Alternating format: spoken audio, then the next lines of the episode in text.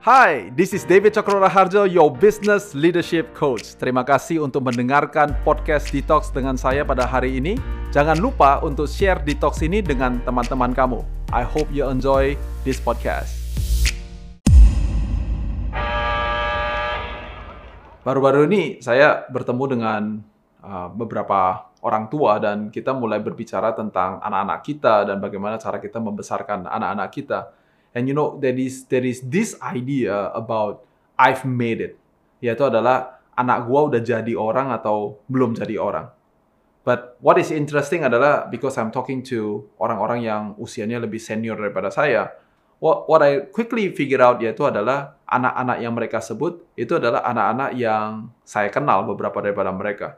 Dan saya tahu kalau saya ketemu dengan mereka dan kalau saya ketemukan antara uh, orang-orang tuanya mereka bersama dengan anak-anaknya dan kemudian orang tuanya bilang adalah anak gue udah jadi gitu loh. My son has made it atau my daughter has made it gitu ya. Tapi kalau anak-anaknya ditanya pertanyaan yang sama, some of them only also hanya sebagian kecil daripada mereka yang berkata adalah I've made it.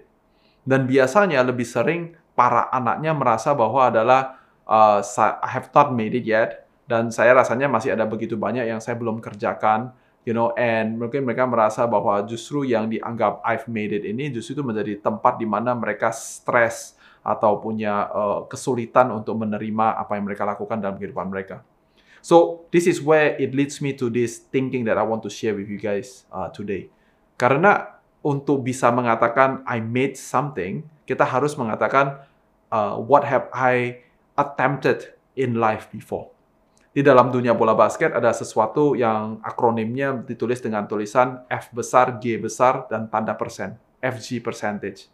yang namanya itu adalah field goal uh, percentage, yang artinya adalah membandingkan dua buah statistik, yaitu adalah berapa sering saya mencoba, namanya adalah field goal uh, attempt, dengan uh, berapa banyak yang saya bisa cetak skor itu, yaitu adalah FGM atau field goal made. Jadi antara made and attempt itu di situlah mendapatkan sesuatu yang namanya adalah field goal uh, percentage. Jadi FG percentage itu berhubungan dengan seberapa sering saya mencobanya dan kemudian berapa sering uh, kita bisa sink the ball atau mencetak skor itu. Now see the thing is kita kita ini di Indonesia kita punya filosofi adalah cobanya jangan banyak-banyak karena kalau cobanya banyak dan kemudian gagal, nah kan mampus lo, kira-kira begitu. Sedangkan kalau kita pergi ke negara-negara barat, seperti di Amerika Serikat sebagai contohnya, di tempat itu saya tinggal lebih daripada 10 tahun, filosofinya justru kebalikan. Filosofinya adalah coba aja terus. Mungkin yang pertama tidak bisa, yang kedua nggak bisa, yang ketiga nggak bisa, tapi siapa tahu yang keempat yang justru masuk. There are a couple of players, khususnya penembak-penembak uh, tiga poin seperti Robert Horry, um, you know uh, Ray Allen uh, dan ada beberapa beberapa pemain yang lain, mereka adalah orang-orang yang menembak uh, tembakan mereka masuk di waktu-waktu mungkin cuma tinggal tiga detik, dua detik atau satu detik dan mungkin gamenya itu berbeda dengan satu poin, dua poin atau tiga poin dan mereka tembak-tembakan itu masuk padahal selama game itu mungkin FG percentage-nya dia pada satu mungkin cuma 20%, 30%, pokoknya rendah, jelek. Bayangkan, ini sebagai pertandingan filosofi ya, atau kalau kita mau beradu pendapat. Pertanyaannya adalah, bayangkan kalau setiap kali dia tembak tidak masuk, pelatih bilang adalah, kamu goblok, duduk. Kalau itu yang dilakukan, maka dia tidak akan pernah bisa make the big shot. We always wanted a big shot. But see, the thing is that practice makes perfect. Kalau kita nggak pernah tembak 100 bola dan kehilangan 60 tidak masuk, maka kita tidak bisa bertumbuh dari 40% menjadi 41%, menjadi 42%, menjadi 43%, and so on, and so on, and so on. So I want to give you an advice as you're listening to this teaching, yaitu adalah beranilah untuk mencoba. Karena kalau kamu tidak pernah mencoba, tidak pernah cukup uh, quantity untuk mencoba, maka kamu juga tidak bisa klaim bahwa I have made a lot of shots. You'll never make anything if you never attempted it. Kalau kita bikin jadi yang mencobanya adalah nol, kita nggak pernah mencoba, bagaimana caranya kamu bisa mengatakan bahwa I've made it? Gak bisa. Jadi kita harus mencoba. Tapi kalau kita lagi mencoba, coba itu bisa beraneka ragam. Bisa coba pada saat tidak lagi dalam pertandingan, pada saat kamera tidak ada, tidak ada lampu sorot, tidak ada siapa-siapa, tidak ada reporter. Will you practice your shots? Itu yang nomor satu. Kemudian masuk ke dalam pertandingan-pertandingan yang exhibition atau pertandingan-pertandingan yang normal gitu ya.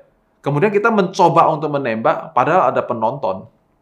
Kemudian baru masuk ke dalam liga yang lebih besar, di mana ditonton dalam konteks NBA mungkin 20 ribu orang, 18 ribu orang. Kemudian baru masuk ke playoff, dan kemudian masuk kepada final, and making all those big shots. See, all the big shots that you will make in your life, it all depends if you have made it in the smaller league. It all depends apakah kita pernah mencobanya pada saat tidak ada orang lain yang memperhatikan kita. Itu poin saya yang pertama. Yang kedua, yaitu adalah high percentage field goal is the one that is easy layup. Kalau kalian mau punya field goal percentage yang tinggi, kita harus bermain yang dekat dengan ringnya. And the problem is, sering daripada kita, kita berpikir bahwa adalah, if I want to have a high percentage, kita mau mainnya yang justru yang jauh-jauh, yang susah-susah, yang aneh-aneh. And so, there are two things that you gotta understand. If you want to have an easy layup, kita harus depend kepada orang yang ada di sekitar saya. Karena isi layup biasanya tidak jarang-jarang berhubungan dengan saya sendiri bisa melakukan isi layup, tapi karena ada orang yang assist saya atau membantu saya supaya saya bisa melakukan isi layup itu. And I hope that you can identify who is those people yang akan membantu kamu supaya kamu bisa melakukan isi layup. Can I tell you something else? isi layup juga terjadi kalau semuanya kita mau membereskan kesulitan daripada orang lain. Kalau dalam bahasa bola basketnya, artinya dia rebound. Dia melakukan namanya offensive rebound. Artinya dia orang lain nembak, orang lain yang mencoba menembak, orang lain yang tidak bisa menyelesaikan, tetapi kemudian kita dengan senang hati, kata kunci di garis bawahi, distabilokan, namanya adalah dengan senang hati, saya mau untuk mengambil bola orang lain and clean up the mess of my friend. Jadi bukan hanya sekedar lu bikin gua bisa dapat isi layup dong. Lu bantu gua dong. Enggak. Tapi lebih daripada itu, I will clean up your mess as well. Mau gak kamu melakukan itu?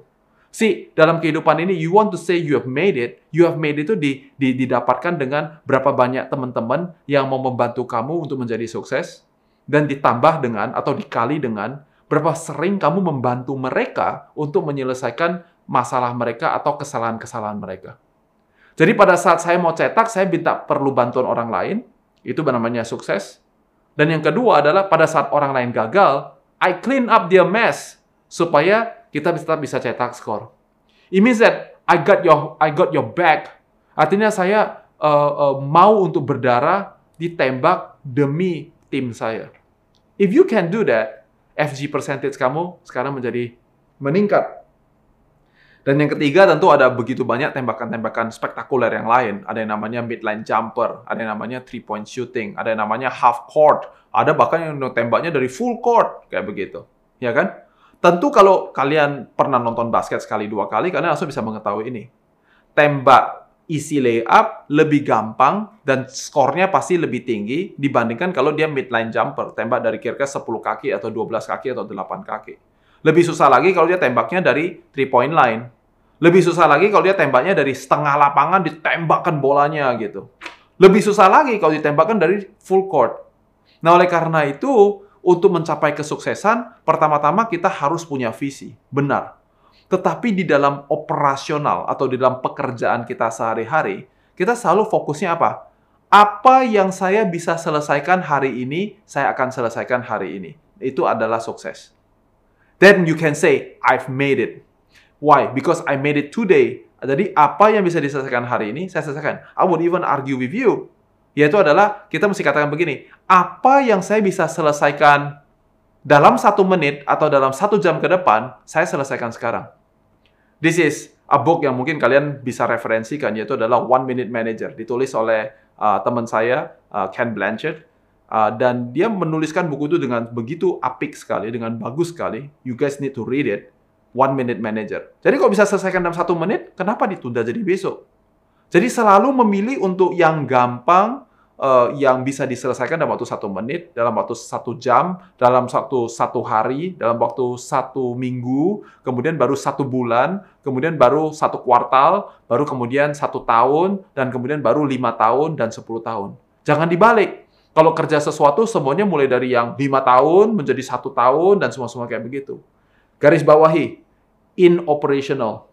Jadi pada saat kita sedang menjalankan, kita harus lihatnya dari yang paling dekat, dari satu menit ke satu jam, ke satu hari, ke satu minggu, satu bulan, dan seterusnya. Kalau dalam visi, tentu kita melihat dari yang paling panjang. Dalam tim bola basket sebagai contohnya. Mereka punya visi yang besar. Pertama-tama mereka langsung melihatnya sebagai apa? We want to be an NBA champions. Nah itu jalannya itu adalah 82 game plus plus plus plus plus. Panjang sekali. Tetapi pada saat mereka masuk di lapangan, fokusnya adalah one ball at a time. Jadi mulailah dari yang paling dekat, yang paling bisa diselesaikan dengan cepat. Itu adalah tiga pemikiran saya kalau kalian mau berpikir tentang sukses, so you want to say, I've made it, kayak begitu ya. And my plus one, yaitu adalah the form. See, dalam menembak sebuah bola basket, ada yang namanya the right form and the wrong form.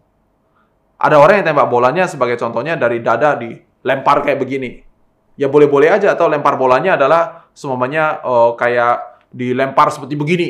Boleh gak? Ya boleh-boleh aja. Atau mau dilemparnya adalah semuanya adalah uh, kayak main lempar uh, apa namanya uh, volleyball gitu ya. Boleh gak? Ya boleh-boleh aja sih. But it is the wrong form.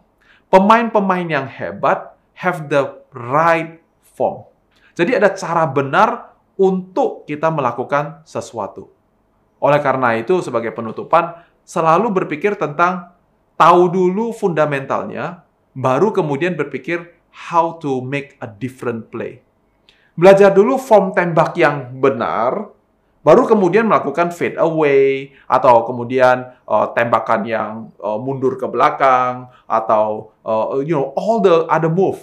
Semuanya itu merupakan aksen atau merupakan sebuah penambahan dari sesuatu yang sifatnya adalah fundamental. So I hope this is useful for you. That is a 3 plus 1 for I've made it. And I hope that kalian bisa aplikasikan dalam kehidupan leadership dan kehidupan pribadi kalian masing-masing. Thank you for listening to Detox with David Chakro Raharjo. Please share this podcast to all social media that you have. Kalau kamu mau tahu lebih banyak tentang Coach Diti, kamu bisa cek description box dari Detox ini atau go to our website di www.davidcokroraharjo.com. Dan jangan lupa untuk follow Instagram Coach Diti di @dtjokr.or.